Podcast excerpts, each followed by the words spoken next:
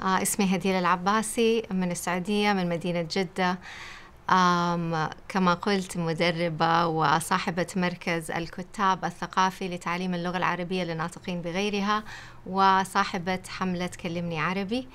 آه كيف بدأ مشروع تعليم اللغة العربية لغير الناطقين بها عام 2011 آه كنت في قمة قيادية في قطر بعد انتهائي من الماجستير.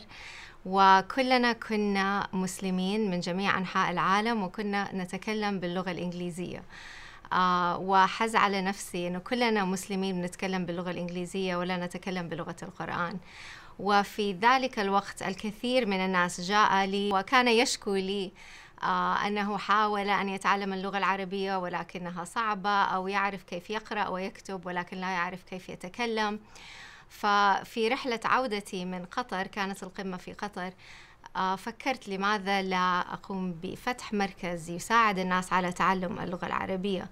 وبالفعل عندما عدت إلى جدة كونت فريق عمل وكلهم كانوا من المتطوعات ووضعنا منهج وبدأنا بمرتين في الأسبوع مرة صباحا ومرة مساء.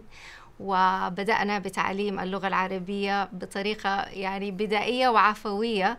وبعد ذلك قمنا بالتحسين والتطوير ثم استخدمنا مناهج معتمدة. الآن والحمد لله آه، يعني في تطور بإذن الله دائم.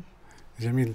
حدثينا عن المبادرات التي قمت بإطلاقها وعن محاور المبادرة التي ستقومين بإطلاقها في الأمم المتحدة. نعم آه فبدأت المركز عام 2012 عام 2014 وجدنا أن الكثير من الناطقين بغير العربية الذين يأتون ليدرسوا عندنا في المركز عندما يخرجون إلى حياتهم وإلى المجتمع الجميع يتكلم معهم باللغة الإنجليزية. ولا يكون عندهم فرصة للتحدث وممارسة ما تعلموه في الفصل الدراسي.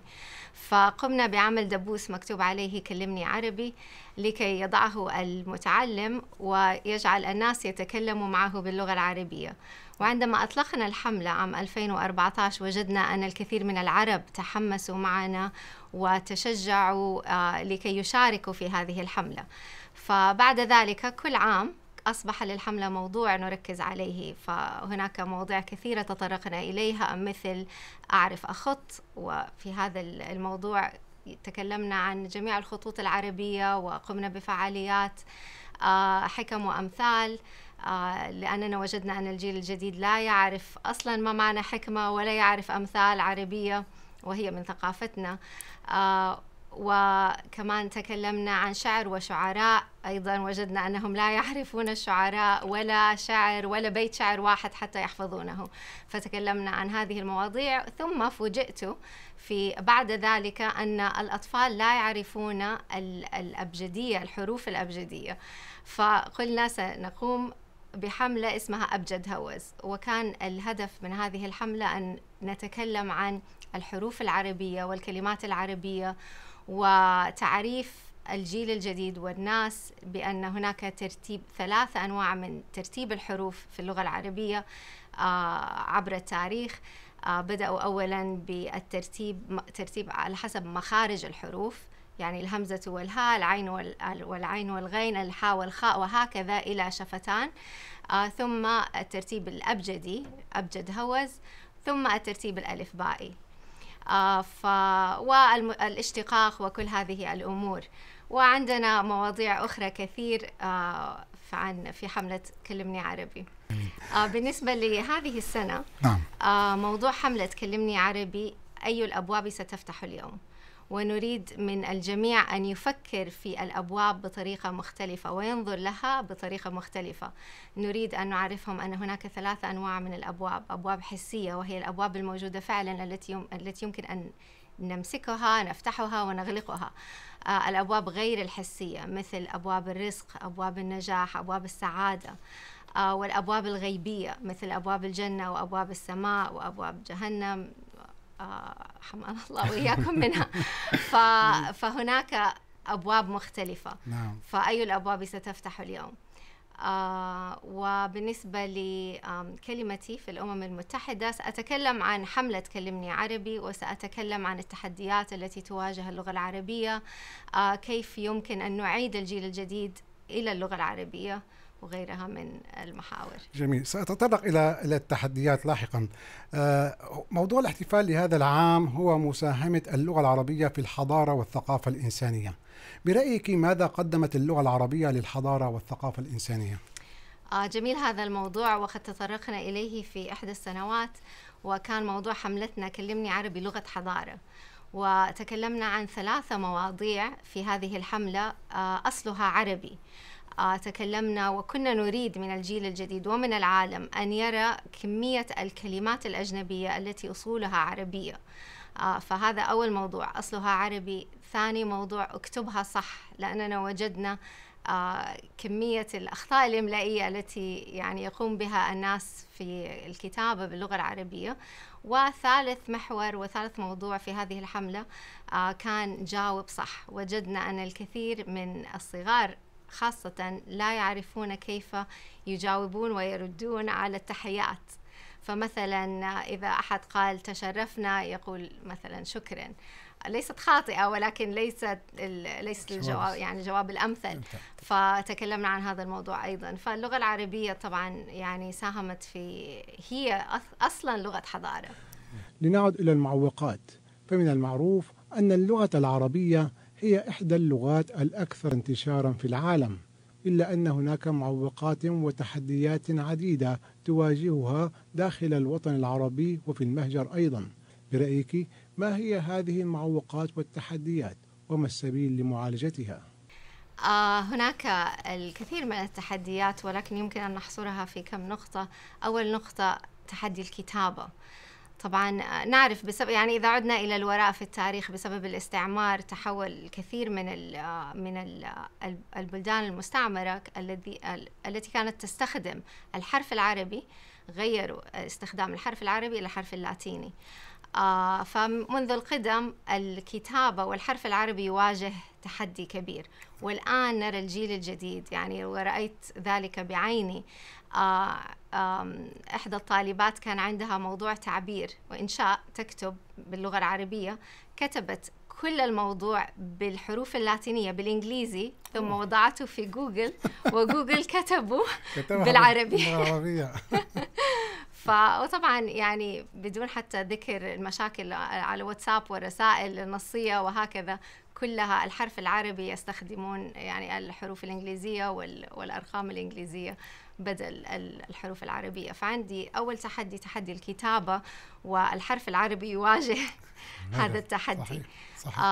الشيء الآخر التعليم يعني وضعنا أولادنا في مدارس آه، دولية عالمية لأننا نعرف أن المدارس التقليدية لن تنمي فكرهم ولن تجعلهم يفكرون خارج الصندوق وكل هذه الأشياء. يعني من خوفنا على أولادنا ولأننا نريد الأفضل لهم ولكن على حساب لغتهم العربية. آه، والتي للأسف يعني المعلم معلم اللغة العربية ما زال يستخدم الطرق التقليدية في تعليم اللغة العربية. وهذا أدى إلى هجر وعدم حب للغة العربية من الجيل الجديد. الشيء الثاني الثالث اللغة المنطوقة. فالجيل الجديد يرى أن هناك حقيقة لغتان يعني اللغة العربية الفصحى واللغة العامية أو الدارجة. والتي أيضا لها لهجات مختلفة.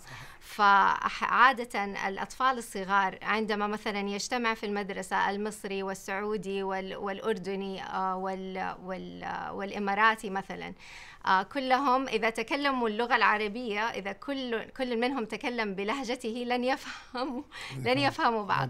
فيختاروا أن يتكلموا باللغة الإنجليزية لكي يعني يفهموا آه، بعض يعني وهذه المعضلة يعني تعود إلى الوراء آه، من أيام سعد زغلول وكل هذه يعني من أيام الاستعمار نعم. عندما أرادوا أن يعني يفككوا العرب بتشجيع التحدث بالعامية. نعم. في الواقع هذا سؤالي التالي عن اللغات العامية فهي كثيرة في الوطن العربي وهي تفتقر إلى معايير سلامة اللغة. إلا أن لها جمالها الذي يظهر في الشعر الشعبي كالزجل والموال والعتابة. برأيك هل العامية لها تأثير سلبي أم تأثير إيجابي أم, أم الاثنين معا؟ عندنا طبعا آه، مستويات مختلفة من من التدرج من الفصحى إلى العامية الدارجة في الشارع نعم. المشكلة ليست في اللهجات لأن القرآن نزل ب يعني سبع أو عشر لهجات مختلفة وقراءات مختلفة نعم. ونرى ذلك يعني عند كتابة المصحف الشريف في عهد عثمان بن عفان لم يكن لا منقط ولا مشكل صحيح. لكي يعني يمكن أن يوافق جميع هذه اللهجات المختلفة فاللهجات ليست ضد الإسلام أو ضد العربية ولكن المشكلة في اللهجة العامية التي ابتعدت بشكل كبير عن اللغة العربية الفصحى الصحيحة عندما يتم استخدام كلمات بطريقة خاطئة. آه هنا المشكلة. عندما تبتعد كثيرا عن الأصل وعن الفصحى هنا تبدأ المشكلة لأنه يصبح هناك لغتان مختلفتان تماما. اللغة المكتوبة مختلفة تماما عن اللغة المنطوقة وهنا تكمن يعني المشكلة في العامية. فاللهجة جيدة ولسنا ضد اللهجات المختلفة ولكن في نفس الوقت الحفاظ على المصطلحات والكلمات والمفردات الصحيحة مهم. هو المهم صحيح. أريد منك أن توجهي رسالة للآباء والأمهات في هذا اليوم. ماذا تقولين لهم؟ أقول لهم دائما تكلموا آه، باللغة العربية مع أطفالكم. يعني أنا أرى أنواع مختلفة من الناس يأتون إلى المركز سواء كان رجل مثلا عربي متزوج من أجنبية. عندما يتزوج العربي من أجنبية هناك ثلاثة حالات. أول حالة عندما الزوجة الوالدة والوالد يتكلمون بلغات غير لغاتهم الأم. فمثلا إذا كانت الأم من البرازيل والأب من السعودية والإثنين يتكلمون مع أطفالهم باللغة الإنجليزية. فينشأ هذا الطفل يعني ليس لديه أي هوية. يذهب إلى البرازيل. لا هو برازيلي ويذهب إلى السعودية ليس سعودي. فينشأ ضائع بلا هوية. هذا أسوأ أسوأ يعني نوع من أنواع التنشئة. النوع الآخر عندما تتكلم الأم بلغتها الأم ويتكلم الأب العربي باللغة الإنجليزية. لأنه دائما في الخارج ومشغول ولا يريد أن يعني يتعب نفسه نعم. بإعطاء يعني أطفاله الحق في تعلم لغته الأم اللغة العربية. فهنا ينشأ الطفل يعني إلى والدته بهوية والدته وبعيدا عن الهوية العربية. آه، الأمثل الأمثل أن يتكلم الوالد العربي باللغة العربية والأم الأجنبية بلغتها الأم ثم يتعلم الطفل اللغة الإنجليزية في المدرسة نعم. فينشأ بهذا يعني صح من الصعب ولكن يعني الأب اختار اختار هذا الطريق آه، لأولاده فيجب أن يتحمل المسؤولية وإلا الطفل حقيقة نعم. وأرى نتاج ذلك عندما يأتون للكبار يعني الأطفال هؤلاء عندما يكبرون وهم يسكنون في السعودية ولكنهم ليسوا سعوديين. هم سعوديين ولكن ليسوا سعوديين. لا يتكلموا باللغة العربية أو لغتهم العربية مكسرة. آه حقيقة يعني هذا الشخص يكون آه يعني عنده نقص. نقص يحتاج أن أن دائما يعني دائما يحاول أن يتعلم العربي ويحاول أن يكون جزء من المجتمع. نعم. هذه المشكلة تتحدثين عن الأطفال في في الدول العربية أو داخل الوطن العربي بشكل عام ماذا عن أطفال المهجر؟ يكون الآباء من إحدى الدول العربية ولكن يعيشون في أمريكا أو في فرنسا أو في ألمانيا نعم يعني حقيقة ليس من السهل نعم. أن ينشأ الطفل العربي في الخارج يتكلم باللغة العربية ولكن هو يعني يستطيع بالأم والأب يجب أن يتكلموا باللغة العربية في البيت. وأعرف أن يعني ازدواجية اللغة نفس اللغات تعدد تعدد اللغات. يعني هناك مدارس تقول لا تكلموا مع الطفل بلغة واحدة لكي لا يتشتت وهكذا. ولكن أنا من مناصرين المدرسة الأخرى التي تقول اللغة الأم يعني يجب أن ينشأ الطفل على لغته الأم. ثم تأتي اللغات الأخرى. واللغة العربية ليست لغة سهلة. يعني إذا لم ينشأ الطفل العربي على اللغة العربية سيكون من الصعب عليه ويعني سيبذل جهد كبير جدا لكي يتعلم اللغة العربية.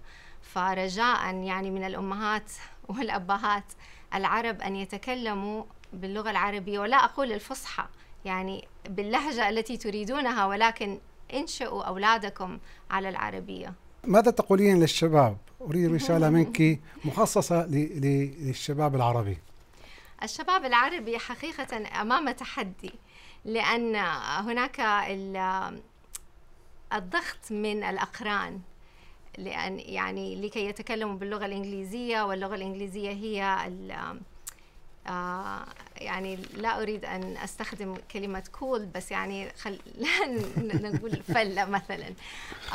وإذا أدخل كل كلمة بين كل كلمة عربية وأخرى كلمة إنجليزية أو إذا تكلم باللغة الإنجليزية بشكل مطلق فهو يعني آه مقامه الاجتماعي سيرتفع بين أقرانه. فالتحدي صعب. المشكلة الأخرى إذا تكلم باللغة العربية ممكن أن يلقى استهزاء مثلا من أقرانه. فأقول للشباب تمسكوا بلغتكم العربية. أعرف أنه من الصعب ولكن إذا فكرتوا آه بالهدف. لماذا؟ لماذا يمكن أن أتكلم باللغة العربية؟ لأنها لغة ديني لأنها لأني عربي. عندما يعتز ويشعر الشاب بالاعتزاز باللغة العربية سيتكلم اللغة العربية وسيؤثر على أقرانه. فإذا هو تكلم باللغة العربية وكان شخص قدوة في مجتمعه وبين أقرانه الباقي سيتكلمون باللغة العربية وأنا رأيت ذلك. عندما يكون شاب بين أقرانه ذو شخصية آه، قوية وأقرانه يحبونه وهو يتكلم باللغة العربية ويستخدم مصطلحات عربية كلهم سيتبعونه ويفعلون مثله. شكرا أستاذة هديل على هذا اللقاء ونتمنى لك التوفيق الدائم في جميع الجهود التي تقومين بها في هذا المجال وعلى أن نلتقي في المستقبل بلقاءات أخرى وتكون لغتنا العربية الجميلة بألف خير. شكرا لك. شكرا لكم. شكرا.